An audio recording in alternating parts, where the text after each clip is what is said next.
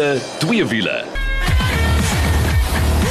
Nou kyk as jy daai klanke hoor, weet jy bos, dit is tyd vir wiele twee wiele. Ek is Janet en saam met my is die Engelsman, Mike McDooley. Hallo Mike. Hi, altyd lekker om weer saam te kuier. Dankie. Ja ja ja, so dis net die twee van ons, maar goeie nuus, die wyse man meneer Nicol Lou gaan later by ons aansluit vir ons wenk van die week. Kaal is nie hierdie week beskikbaar nie, maar waarna kan jy uitsien? Julle, ek gaan sê waku doki. Dis 'n Japaneese term wat beteken pret om te ry. En ek sê vir jou, as ek net daaraan dink, sit ek met 'n glimlag van oor tot oor. Ek was by die bekendstelling van Toyota se GR86. Jy wil ingeskakel bly hiervoor. Maar dan was Mike ook by 'n bekendstelling. Mike, where were you? Citroen C5 Aircross. Nou maar toe, so hy gaan jou 'n bietjie daarvan vertel en dan ons padtoets van die week is met 'n baie gewilde een wat nou al lank kom. Hy's opgekikker en hy's heeltemal nuut en dis Nissan se Qashqai. So ons gaan bietjie daaroor gesels. Dan sluit Nikkel by ons aan vir wysheid. Het jy al ooit gewonder hoe ver kan jy nog ry as daai brandstof liggie van jou aangaan? Ja, ek dink baie van ons vat kansse, van ons begin bid en vra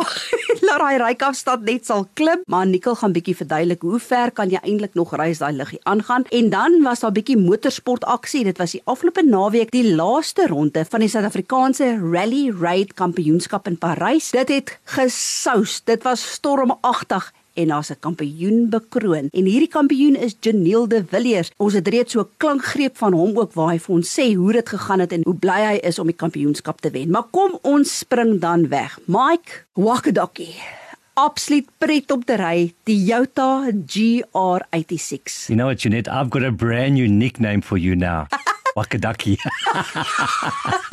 Verstaan jy? Weer dit is my so interessant. Nou goed, die vorige 86 was die GT86. So nou het hulle nou die nuwe GR86 uitgebring, die coupe. En uh, belangrik om te weet, dit is basies die derde GR produk wat hulle nou op die mark het. So ons weet natuurlik daai bioniese GR Yaris. Hoe sal ek nou nie weet nie? Ek ken hom. Ek wil amper sê elke boutjie, elke alles van daai kar ken ek al. Natuurlik ek hierdie jaar met die GR Yaris het ek gery. So jy het nou die GR Yaris, jy het die GR86 en natuurlik daai GR Supra ook. So dis nou die derde GR produk wat daar is. En as jy wonder, okay, goed so wat is anders? Man, ek wil vir jou sê baie dinge is anders. Die grootste en die belangrikste wat die vorige eienaars gesê het van die GT86 is hoor die gee man het dit vir die kar bietjie meer krag. So, van 'n 2 liter is hy op na 'n 2.4 liter. So dit is absoluut heeltyd speeltyd en dis net wat 'n mens nodig gehad het. So as dit nou in werksverrigting terme vir julle wil deurgee, die vorige model was 147 kW. Nou kyk jy na 174 kW en die newtonmeters het ook verander natuurlik dat hy van 'n 2 liter na 'n 2.4 is en dit is van 205 newtonmeters na 200 50 Newtonmeters. En ouens, die Afrikaners sê dit so pragtig, heeltyd speeltyd. Man, ons was al die pad op Port Elizabeth toe by die Aldo Scribanti renbaan en daar het ons nou die kar nou werklik ervaar op drie verskillende oefeninge. Die eerste oefening was soos wat hulle sal sê 'n drag race gewees op die voorste pylvak en uh, Hoe hoe aan? ah, jy gaan verbaas wees. Ek het tog al my groep het ek gewen. Ek het op die outene deur gegaan na die finale toe, maar dit toe Giordano Lupini het op die outene daai een gewen. Maar okay, goed. Hy's gewoond aan hoe skal ek sê standing starts en ons is gewoonlik rolling start, maar ek was baie trots op die feit dat ek die vrouens se naam hoog gehou het daar. So dit was goed en dit was natuurlik met die handrat wat ons die weg spring gehad het. En as jy sê handrat outomaties, ja, jy gaan dit nie glo nie, maar die GR86 kom met 'n 6-spoed handrat, maar jy kry hom ook in 'n 6-spoed outomatiese ratkas. Ek het albei ervaar en albei om die baan ook. So ons het nou eers die drag race gedeelte gehad, toe het ons die geleentheid gehad om om die baan te gaan, maar nie met die pylvak in nie, omdat ek moes nou letterlik my oë kan toemaak en onthou ek met die GR Yaris daarom al die skribantie is, was dit vir my lekker om te voel wat hierdie kar ook doen. En van die manne het gekla gesê, "Ja, jy's die agterkant, want natuurlik is dit 'n agterwiel aangedrewe voertuig. Die agterkant kan maklik half losraak." Ehm um, ek sê nee nee. Wanneer jy op die baan ry, gaan dit jy moet glad wees en smooth wees. En ek het nie dit ervaar nie. As jy mooi versigtig indraai en jy is op die krag sonder om daai krag pedaal of die petrolpedaal dan mee te feather of te speel, man, dan is hy absoluut ideaal. So en toe het ons 'n gedeelte gehad waar ons nou letterlik daai heeltyd speeltyd en in drift mode kon ervaar. So as ek nou sê drift mode wat ons daar gedoen het, dit was soos 'n uh, klein parkeerarea, dan die hele gedagte, okay, goed, ry eers met al die stelsels aan. Met ander woorde, hy sal vir jou keer, die vasstrap beheer is daar daar die VSC alles is aan, dan sit jy hom in trekmode wat dit net bietjie minder maak, so jy kan bietjie voel daai agterkant kom so lekker uit en jy kan met hom speel en dan sit jy alles af. Man en dan kan jy speel. That's, so that's hooligan mode, isn't it? Oh man, hooligan mode, you can say that again. Hoorie, het ek werklik uit die kar uit geklim dat mense later vir my vra, "Kyk, hoekom glimlag jy die heeltyd so?" My wange het seer geraak van hoe ek die heeltyd glimlag. En dis presies wat Toyota wou doen met hierdie GR86. Hulle wil daai genot vir jou terugbring. So, die goeie nuus is as jy van 'n handrat hou, jy hou van daai bestuursgevoel, jy wil graag hierdie tipiese baanoefeninge doen of track days doen, dan is die handrat ideaal vir jou. Maar die goeie nuus is die outomaties is ook daar. Ek het selfs met die outomaties om die baan gegaan. Sy radverhouding is bietjie anders, so waar jy met die handrat op 'n sekere plek na 4de toe sal gaan, sal jy byvoorbeeld nou eers bietjie later om doen, maar omdat hy hierdie pedal shifts het wat by jou stuurwiel is. Oh,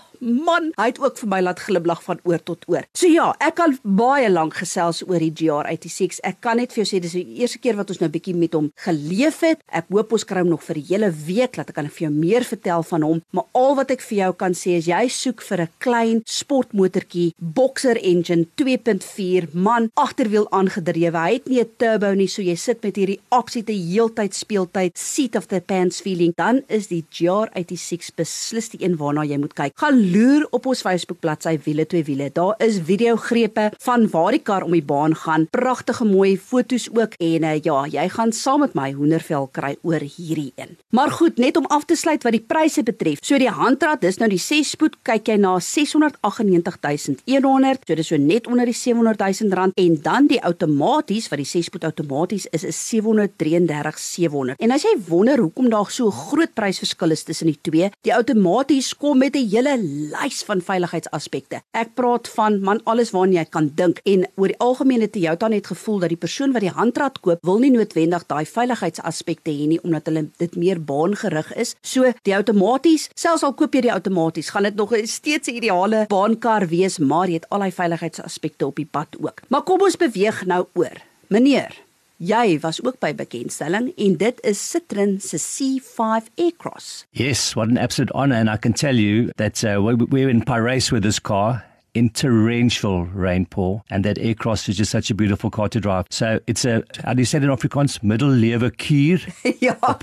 Beautiful. They've changed the whole front of the car. Inside has got a 10.3 inch um, screen now, 12.5 inch TPT. That's that screen where you get all your, your rev counts and your speeder and everything. Absolutely incredible. So it started in 2015 and the global launch for the C5 was in 2017. Citroen also this year have changed their logo 103 years old. Can you believe it, Jeanette? Sure. So they've changed the logo to like the old, the beginning. You know, for them, this is a rebirth. They want to rebox this car into South Africa with trust and reliability and a good backup. Uh, Stellantis has owned them now for three years, from 19 garages and service centers to 39 now. So they are really growing. They're really trying to make this brand stick out there, and it's absolutely a lovely car to drive. Ek weet nog altyd Citroen was vir my nog altyd French flair en ek feit dit dat hulle deel is nou van die Stellantis groep. Ek bedoel bedoel die Stellantis groep is een van die grootste groepe ter wêreld. So dit sê net vir jou daai jy het daai ondersteuningsnetwerk om jou te help. They've got the money and the resources now to back up their words. And another very nice thing about this car now they're offering it with a 100,000 or 5 year full maintenance plan, girl. So all you do is you put fuel in for 5 years and your top up oil. The rest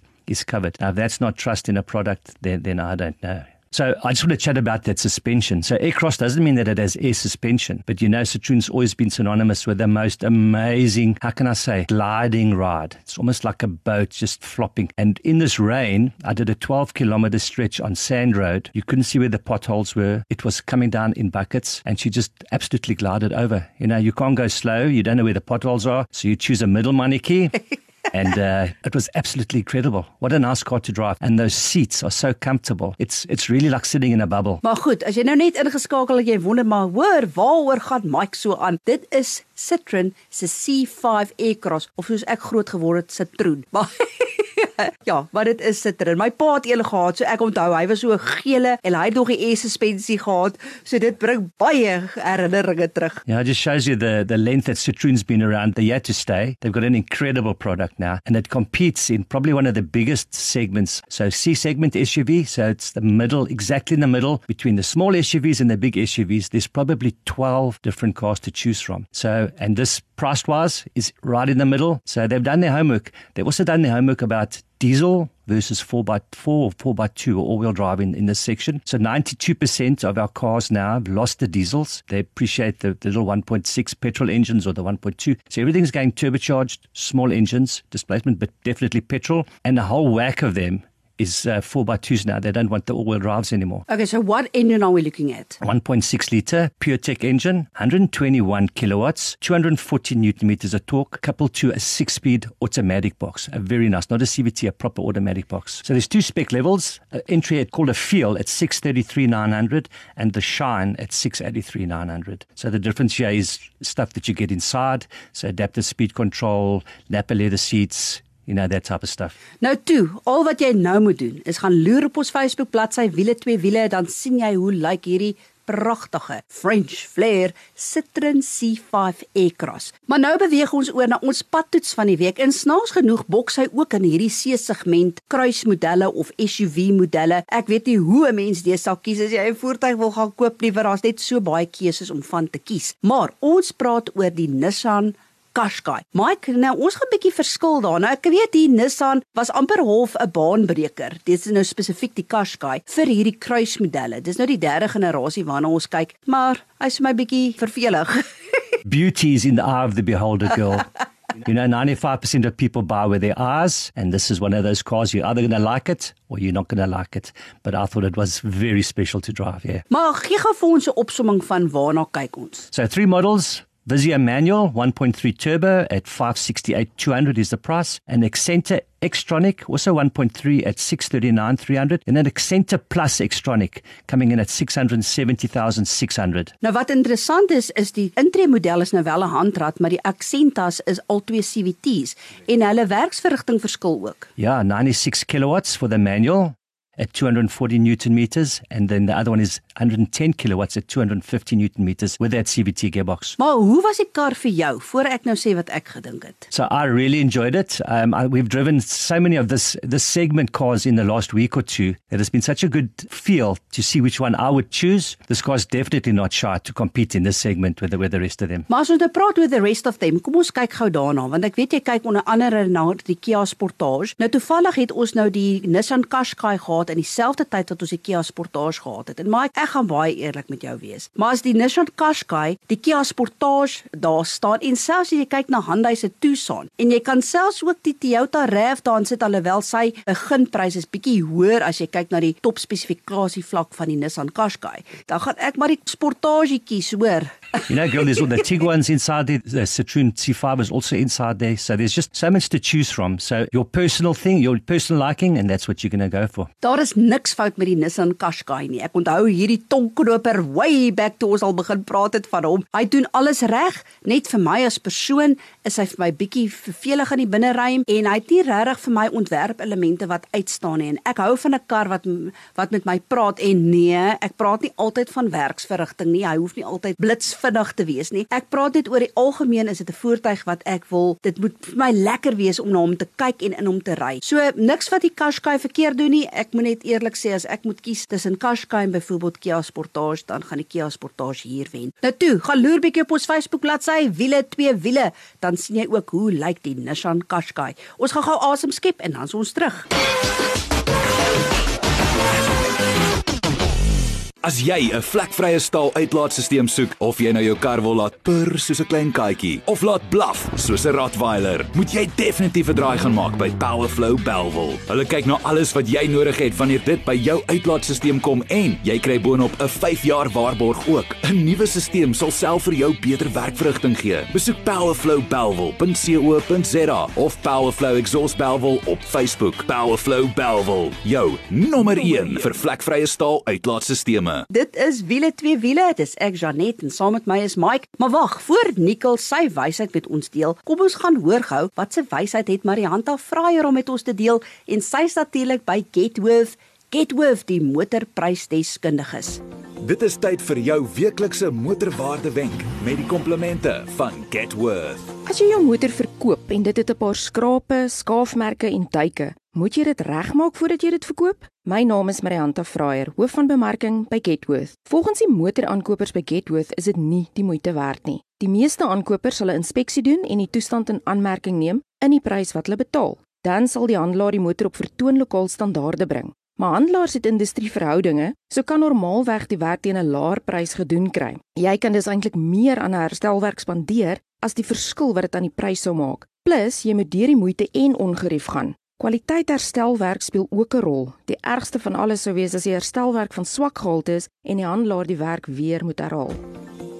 Dit is jou weeklikse motorwaarde wenk met die komplimente van Getworth. Nou is dit tyd vir ons wenk van die week en ek wil vir jou vra. Het jy al gewonder as daai ou brandstofliggie van jou aangaan, hoe ver kan jy nog ry? Maar ideaal moet jy dadelik ry na 'n vulstasie toe om vol te maak, maar Nikkel gaan daai wysheid met ons deel. Hallo Nikkel, ag wat, dankie dat jy weer hier by ons aansluit. Ja nee, ek dink dit is nogal 'n vraag wat ons almal vra, maar kom ons sê dit nou. Hoe ver kan jy met jou kar ry as die brandstofliggie aankom en dis nou of jy nou 'n petrol of 'n diesel ry? Deel jou wysheid met ons asseblief. Ja, nee, ons almal weet die brandstofpryse druk en ons almal probeer die meeste uit 'n liter brandstof uitkry en partykeer ry ons ons tank miskien te leeg en dan kom daai gevreesde brandstofliggie aan. Kom ons praat net gou wanneer gaan daai liggie aankom in 'n voertuig. So dit hang natuurlik af wat se fabrikaat jy ry, want elke ingenieurspan het 'n ander gedagte daaroor, maar hoe dit natuurlik werk is Die voertuig bepaal die heeltyd hoeveel brandstof na die enjin toe deurgaan en dan kyk hy natuurlik oor die laaste tyd wat jy gery het. Nou al dit kan nou wees die laaste 5 km, die laaste 10 km en dan bepaal hy hoeveel brandstof het jy gebruik liters per 100 en hoeveel brandstof is daar oor en hoe ver kan jy nog ry? Nou gewoonlik is die limiet omtrent hier by 100 km. Soos daai algoritme dan bepaal het dat jy op jou bestuurstyl wat jy die laaste tyd gery het, omtrent 100 km ver nog kan ry met die brandstof wat oor is, dan gaan daai brandstof liggie aankom. Maar dis nou baie interessant. Ons weet hoe brandstof-ekonomiese mens kan ry. Ehm um, as jy weet jou tank begin leeg raak en jy is nog ver van 'n brandstofstasie af, So daai liggie kom nie altyd aan met 'n sekere hoeveelheid liter uh, wat oor is in die tank nie, maar eerder of jy nog 100 km kan ry. So as jy baie brandstof ekonomies ry, dan gaan jy eintlik minder brandstof in jou tank oor hê wanneer daai liggie aankom om vir jou te sê jy kan miskien nog 100 km ry as jy so mooi aanry. So Nicole, if you ignore this little funny light that's shining there and you carry on driving and eventually your range says naught What happens then? Ja, so sien nou maar jy ignoreer daai liggie en jy ry nou maar aan en die kilometer stel af, dit raak later 0 km wat jy ver kan ry. Raak die brandstof dan die enjin nou regtig op sodat die enjin nou maar net gaan uitsny.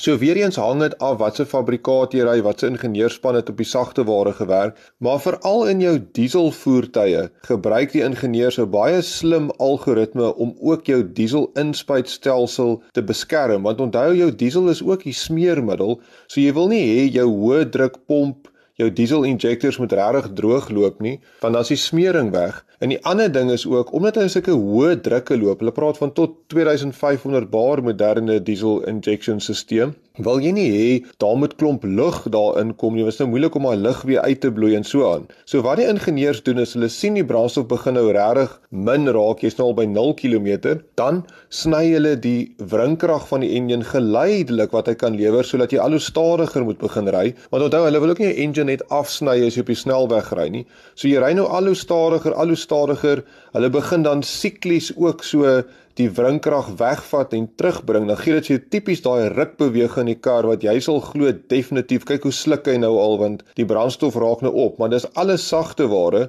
Later dwing hy vir jou dan om te gaan stop want daar's net geen wringkrag oor nie. En dan wat gebeur is hy sny dan die enjin af. So dan gaan staan jy en hy gaan nie weer aanskakel voordat jy 'n sekere hoeveelheid brandstof by die tank bygegooi het nie. Maar in werklikheid is daar nog 'n bietjie brandstof oor vir al diesel dan en ehm um, dit beskerm dan dat daar nie lug in is nie en wanneer jy die diesel dan bygooi kan jy onmiddellik net weer aansit en verder gaan. Maar ja, so baie interessant die algoritmes wat hulle gebruik. Uh natuurlik met ons elektriese karre gaan dit 'n heel ander storie wees as jou battery pap raak want uh, jy gaan nou nie met 'n battery kan rondry en gou-gou vervang nie. Dit gaan 'n ander storie afgee. En die laaste gedagte wat ek net met julle wil deel, ek dink die Uber bestuurders daar buite, hulle is die manne wat beste weet hoe ver jy kan ry vanaf daai liggie anders want kyk, ek het daar al in 'n paar Ubers geklim waar daai liggie anders en dan ons nog ver om te ry en daai naald is al aan die verkeerde kant van die rooi streepie, maar nee, hulle is nog vol vol selfvertroue dat 'n mens nog kan ry. So miskien moet ons 'n Uber bestuurder volgende kry om hierdie vraag te antwoord. Lou toe, daar het jy dit nou gehoor as jy ooit gewonder het wat die antwoord is vir daai vraag. Ideaal as hy liggie aankom, jy weet jy het nog so 100 km wat daar tussenin lê afhangende van hoe jou bestuurstyl is en hoe hard jy op die brandstofpedaal is, so seker mense wat hier praat, maar toe maar. maar nee, gaan maak maar liewers vol want dit gaan jou kar veilig hou. Nou is dit gewoonlik tyd vir twee wiele, maar jy sal my vergewe as ek sê dit is tyd vir motorsportaksie want dit was die laaste ronde van die Suid-Afrikaanse Rally Raid Championship en nie waar nie in Parys, net waar Mike ook was. Jy weet hoe dit daar gereed het.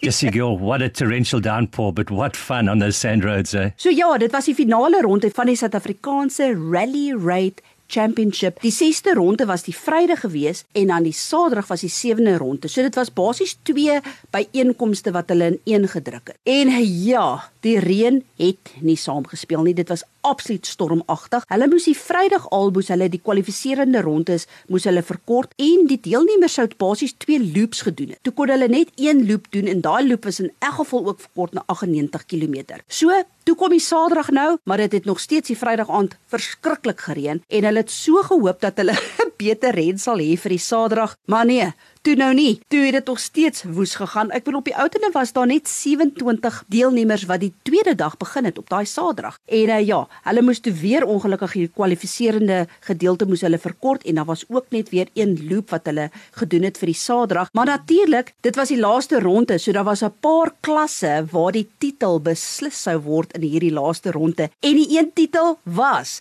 die Suid-Afrikaanse Rally Raid kampioen vir 2022 en wie is dit? Ek is trots om te sê Janiel de Villiers.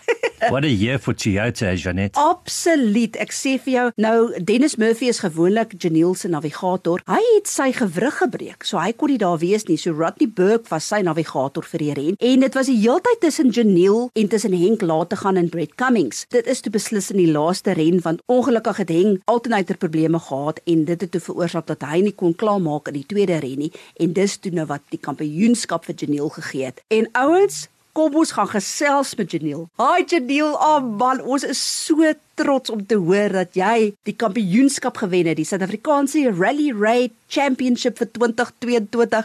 Kyk, dit was nie maklik nie.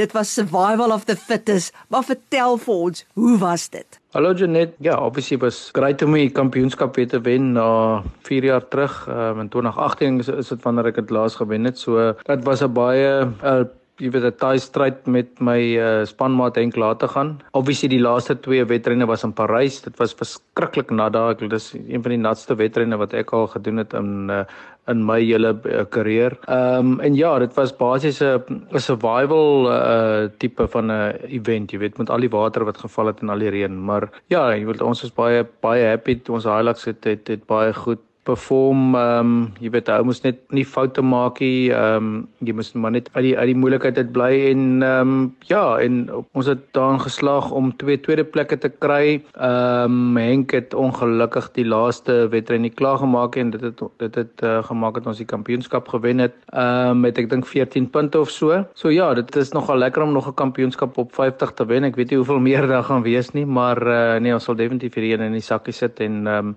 ja net 'n baie groot dankie aan my span by Toyota uh, Gazoo Racing, jy weet al daai mechanics, almal hulle het verskriklik hard gewerk om hierdie moontlik te maak. En ja, dit was 'n was 'n baie nice einde vir die jaar, jy weet en nou konsentreer ons natuurlik op die Dakar van 2023. En ons het nog 'n toets oor in Namibië en ehm um, jy weet hopelik sal ons, jy weet al die laaste goedjies daar uitsort en ehm um, ons sal regmaak vir die Dakar. So, dankie vir die ondersteuning en ehm um, ja, thanks, dit was lekker om om om die reis te wen en en natuurlik is dit 'n lekker ehm um, hupstoot of 'n jy weet gee ou 'n lekker baie confidence uh, vir die Dakar. So uh, ja, thanks man. So ja, baie geluk Janiel en in al die verskillende klasse is dan natuurlik kampioene bekroon, maar net om op te som hoe fantasties hierdie jaar vir Toyota was. Ek bedoel eers te gaan hulle en hulle wen die Dakar natuurlik aan die begin van die jaar. Verder het hulle toe 'n Hilux 1 en 2 gehad in een van die grootste renne in Suid-Amerika. En wag, hoor toe. Onder andere het hulle toe nou 'n FIA wêreldkampioenskap begin. Dit is nou vir Rally Raid. Dit is basies die eerste keer wat hierdie kampioenskap hardloop. En Nasser Al-Attiyah Matthew gaan wen die kampioenskap, maar Toyota het nog die vervaardigingskampioenskap ook gewen. En toe nou natuurlik met Janiel wat nou ook wen, Toyota die vervaardigingskampioenskap gewen vir die Suid-Afrikaanse Rally Raid kampioenskap en dan vat ons dit net gou 'n stappie verder met Yazid Al-Raji en Dirk von Zitovich